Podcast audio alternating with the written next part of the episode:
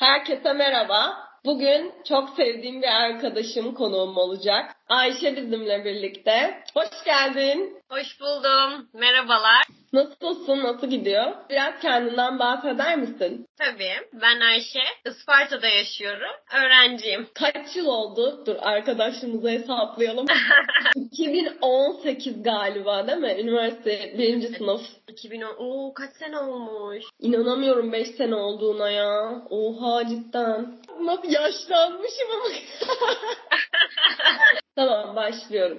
Bugün benlik inşası hakkında konuşacağız. Yani bir insan kendini nasıl inşa eder? Ee, toplum dayatmasından kurtulup kendini birey olarak nasıl ifade eder? Bu konular üzerine konuşmaya çalışacağız. Konu benim için çok önemli. Çünkü kendi hayatımda da çok böyle çaba göstererek, çok böyle mücadele ederek bilincini kazandığım bir konu. O yüzden e, bu yolda bana eşlik etmiş bir arkadaşımı ağırlamak istedim. Önce dümdüz bir internet tanımı okuyacağım. Sonra e, hem benim hem de Ayşe'nin kendine ait benlik tanımlarını dinleyeceksiniz. En sık karşılaştığım tanımlardan biri de şuydu. Kişiyi o kişi yapan, başkalarından ayıran, duygu, tutum, davranış bütünü olarak özetleyebiliyoruz. Ee, bana göre benlik kavramı e, sizin mesleğinizden, okuduğunuz bölümden, okuduğunuz okuldan, ailenizden, toplumdan, yaşadığınız ülkeden, diğer her şeyden sıyrıldığınızda elinizde size dair ne kaldığı ile ilgili bir durum olarak tanımlıyorum ben bunu. Çünkü kendimizi meslek üzerinden ya da okuduğumuz okullar üzerinden, aldığımız sertifikalar üzerinden tanımlamak çok kolay. Ama bütün bunları bir kenara bıraktığımızda bizim kendimizi nasıl gördüğümüz bence bizim gerçek benliğimizi oluşturuyor. Ayşe sen bu konu hakkında ne düşünüyorsun? Senin kendine ait bir benlik tanımın var mı? Çok güzel bir konu üzerine konuşacağız bugün. Ee, bence benlik kendin olmak, kendini tanımak. En önemli şeylerden biri de benim için mutluluk. Ee, o yüzden bence herkesin sorgulaması gereken ben kimim? İşte herkesin düşüncelerinden şey kendi düşüncelerini dinlediğin bir şey olarak düşünüyorum yani. Ee, biz bu benlik inşası konusunu ele alırken dört aşamada ele almaya karar verdik. Birinci aşamamız dayatma.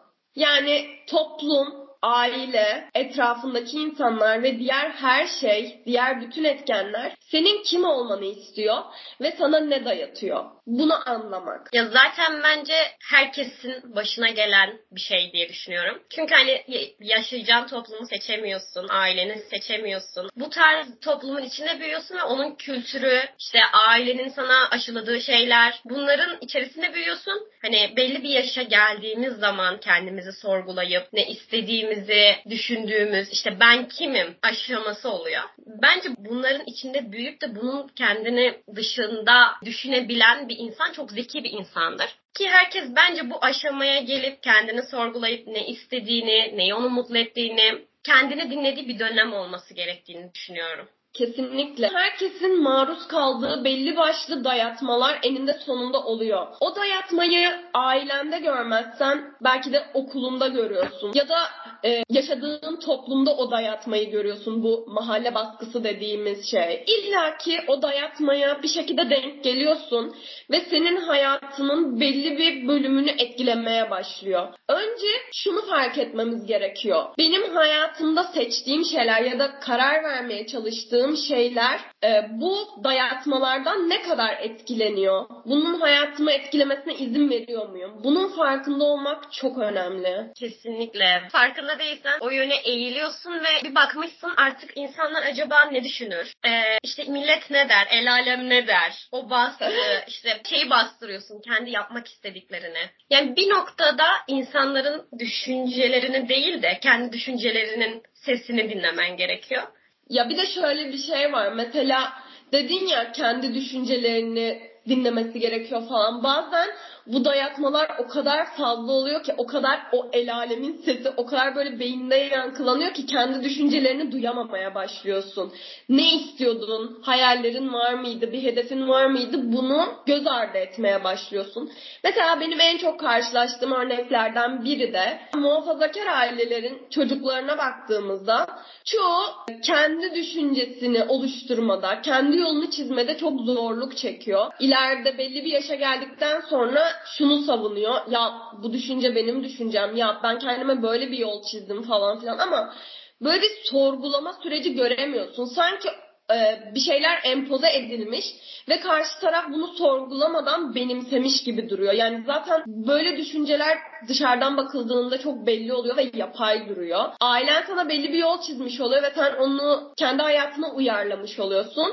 Sorduğun zaman ya bu benim düşüncem ya bu benim tercihim diyor sana ama asla öyle değil. Ailene, ailenin yaşantısına bakıyorsun işte etrafında tek tip e, yaşayan, tek tip giyinen insanlar var. O çocuk eninde sonunda onun da başına geleceğini bilerek yaşıyor. Başka seçeneği yokmuş gibi zaten eninde sonunda o hayatı yaşayacakmış gibi bir düşünce öyle... beliriyor kafasında. Bir de öyle bir empoze ediliyor ki doğru olan bu. Ben bunu yapmalıyım. Ee, bunlarla büyüyor falan. Bir de şöyle bir şey de var ya hani mesela çocukken genelde rol modelimiz ailemiz oluyor. Onların söyledikleri, onların yaptıkları genel olarak işte benim anne babam böyle söylüyor bu doğru. En doğrusunu onlar bilir. Hani belli bir yaşa kadar o kadar şeysin ki böyle hatta çoğu kararında onlara danışıyorsun. Seçeneksiz hale getirilince yapmanız gereken tek şey o fikri benimsemek. Çünkü başka çareniz kalmıyor. İşte bunları sorguladıkça benim ne istediğime yöneldikçe aslında onlar da senden bir şeyler öğrenmeye başladığı bir döneme giriyorsun. Sonrasında senin de bu değindiğin konu olan sorgulama kısmı başlıyor. Neden buradayım? Ailem nasıl insanlardan oluşuyor? İdeolojiler ne işe yarar? İşte çok sorgularsam kafayı yer miyim falan. Hayatın böyle bir dönemine giriyorsun. Böyle bir döneme girmek için de çok çabalamak gerekiyor. Yani bir şeylerin en azından farkında olmak gerekiyor. Çünkü bu dayatmacı ortamda sorgulamak, bir şeylerin acabasını araştırmak hem insanı böyle tedirgin ediyor. Biraz böyle cesaret isteyen bir şeymiş gibi geliyor başlarda. Ama aslında hayatımızın bir parçası olmalı sorgulamak. Hiç kimse hayatının hiçbir döneminde ya ben yüzde yüz oldum, ya tamam artık ben her şeyi çözdüm falan gibi bir kafaya gelmemesi gerekiyor. Bunu düşündüğümüz andan itibaren e, kendimizi bilgi alımına kapattığımızın da farkında olmamız gerekiyor. Yani şöyle bir şey de var. E, atıyorum 20 yaşına kadar bunlarla büyüyorsun, ediyorsun, sorgulamıyorsun. Ama sonra bir anda şey olmuyorsun yani. İşte bir yanlış görüyorsun diyelim ki sana doğru gelmiyor. Ha bu da böyleymiş ya falan deyip bunu kabul edemiyorsun yani. Önce biraz bir düşünüp ya böyle mi şöyle mi falan sorguladıktan sonra ya işte benim ailemde benim yaşadığım toplumun da aslında yanlış yerleri varmış. Böyle en doğrusu buymuş diyemiyorsun artık. Bence o zaman başlıyor bu sorgulama, Kesinlikle katılıyorum. Ben mesela e, belli bir yaşa kadar hiçbir yetişkinin hiçbir şekilde yanlış yapabileceğini düşünemezdim. Tabii bu nasıl bir e, aile yapısına sahip olduğun, etrafında nasıl insanların olduğuyla da çok ilgili bir konu ama ben de böyleydi yani dediğim gibi yetişkinlerin insani bir şekilde yaşayabileceklerini, insani bir şekilde hata yapabilecekleri hiçbir şekilde aklımıza gelmiyor belli bir süre. Mesela hatırlıyorum ilkokul öğretmenimin ilk kez gevrek yediğini görmüştüm. Ödüm kopmuştu. bir de şöyle bir şey de var. Mesela ailen nasılsa herkesi de öyle zannediyor. Yaşadığın toplumda aslında şey olsa farklı inanışı olan bir aile, işte kültür karmaşası içinde yaşadığını düşün. O zaman daha bence insanlar daha çabuk sorgulamaya da başlayabilir. Ben de liseye gittiğimde böyle bir tatil köyünde okudum. Şey oldum ya yaşadığım yer dışında bir yer varmış. Mesela bazı arkadaşlarımın annesi yabancı. Liselerde falan Erasmus oluyordu. Ee, böyle programlar sayesinde mesela yabancı öğrencileri misafir edebiliyorsunuz. Kendiniz başka bir e, ülkeye gidip bir ailede misafir olarak kalabiliyorsunuz. Mükemmel deneyimler bence. Keşke şimdiki aklım olsa da lisede böyle şeylere daha çok bulaşsaymışım mesela. Sonradan zaten üniversitede Erasmus'u yaptım yani. Ne kadar önemli bir şey olduğunu fark edip.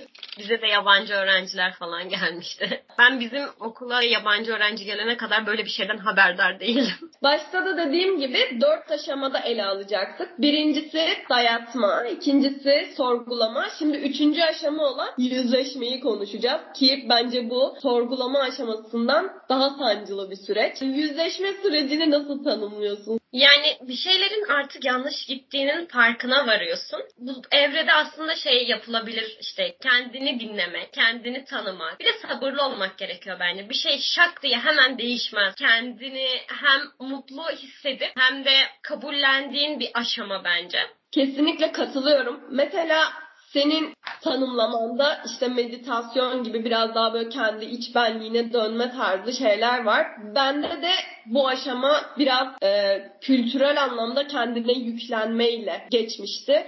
Ee, bu aşamada bence çok okumak, çok izlemek, çok fazla sosyalleşmek, doğrusuyla yanlışıyla kendi kendimize yüzleşmek çok önemli. Pozitif düşünmeye odaklanmak lazım yani. İşte her şeyin kötüsünü görmek zaten sana hiçbir şey katmıyor. O fikirlerle yüzleşip artık ben bunu bıraktım. Mücadele ettiğin bir dönem kendi içinde aslında. Ne yapman gerektiğini anladığın bir sürece giriyorsun. Yardım da alınabilir. Yardım almak senin güçsüz olduğun anlamına gelmiyor e, kendini sevmeye odaklanmak lazım bence.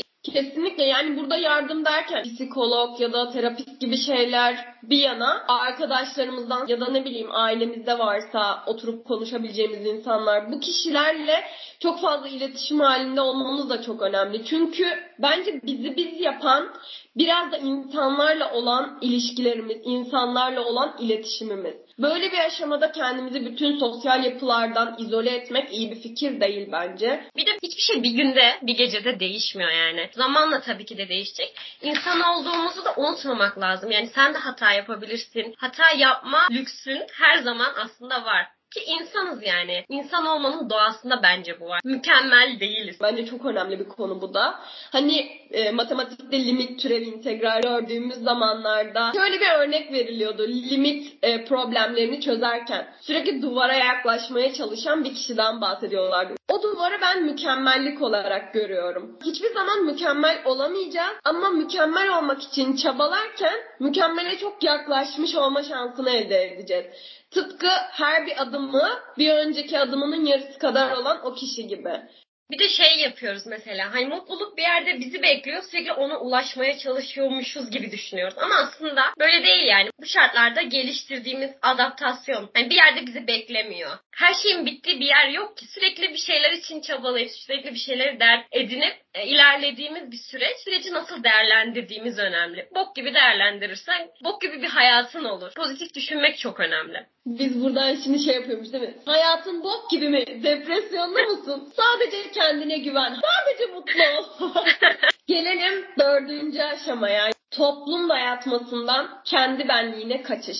Bunu nasıl değerlendiriyorsun? Çok zor bir süreç. Sonunda o farkındalık aşaması oluşmuş ve artık kendi isteklerin üzerine yoğunlaştığın, hobilerin üzerine yoğunlaştığın, e, nelerin seni mutlu ettiğinin farkına vardığın, kendini bildiğin bir aşamaya girmiş oluyorsun bu noktada. Bu aşamaya gelince şey diyorsun, ya benim varış noktam buymuş ve odaklanmam gereken tek şey benmişim. Ya kendin için uğraştığın şeyler sende kalıyor. Bunu fark ediyorsun. Genelde bu yola başlarken o kadar korkuyoruz ki artık korkularımızla yüzleştiğimiz bir dönem başlıyor. Bence artık o korkular da kalmadığı için aslında mutluluğa erişmiş gibi oluyoruz.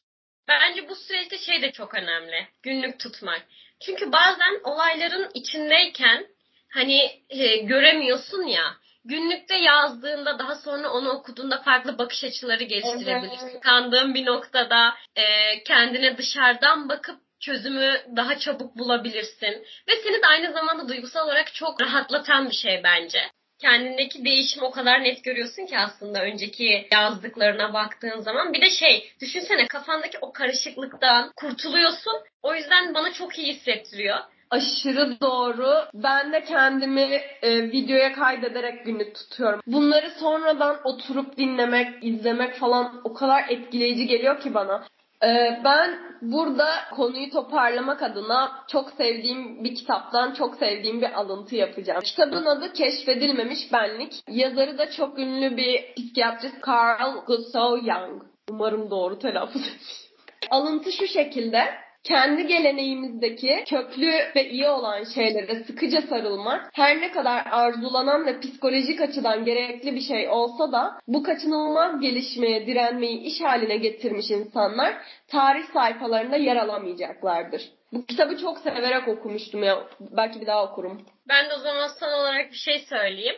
Şöyle bir şey okumuştum ben de. Şartlar ne olursa olsun kendini seven insan kendi mutluluğu için yaşamayı öncelik haline getirmiştir diye. Çok güzelmiş. Neden kendimiz için öncelikli olmayalım ki yani?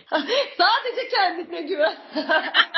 of çok eğlendim ya. En sevdiğim podcast bölümlerinden biri oldu bu. Çok teşekkür ederim geldiğin için. Rica ederim. Ben de çok eğlendim ve ilk defa bu tarz bir şeye katıldım. Hani normalde telefon konuşmalarımızda zaten bir şeyleri konuştuğumuz oluyordu ama hani evet. kayıt alarak yapmak biraz daha zor ve heyecanlıymış. Evet toparlayacak olursak bu bölümde genel olarak benlik üzerine, benlik inşası üzerine konuşmaya çalıştık. Dört aşamaya ayırdık ve her bir aşama için kendi tanımlarımızı, kendi deneyimlerimizi aktarmaya çalıştık. Umarım bölümü sevmişsinizdir. Bir önceki podcast'te nasıl kapattıysam öyle kapatmak istiyorum. Size kendinizi tanıyabildiğiniz, tanıdıkça sevebildiğiniz bir benlik diliyorum. Sonraki bölümlerde görüşmek üzere. Bye bye. Bye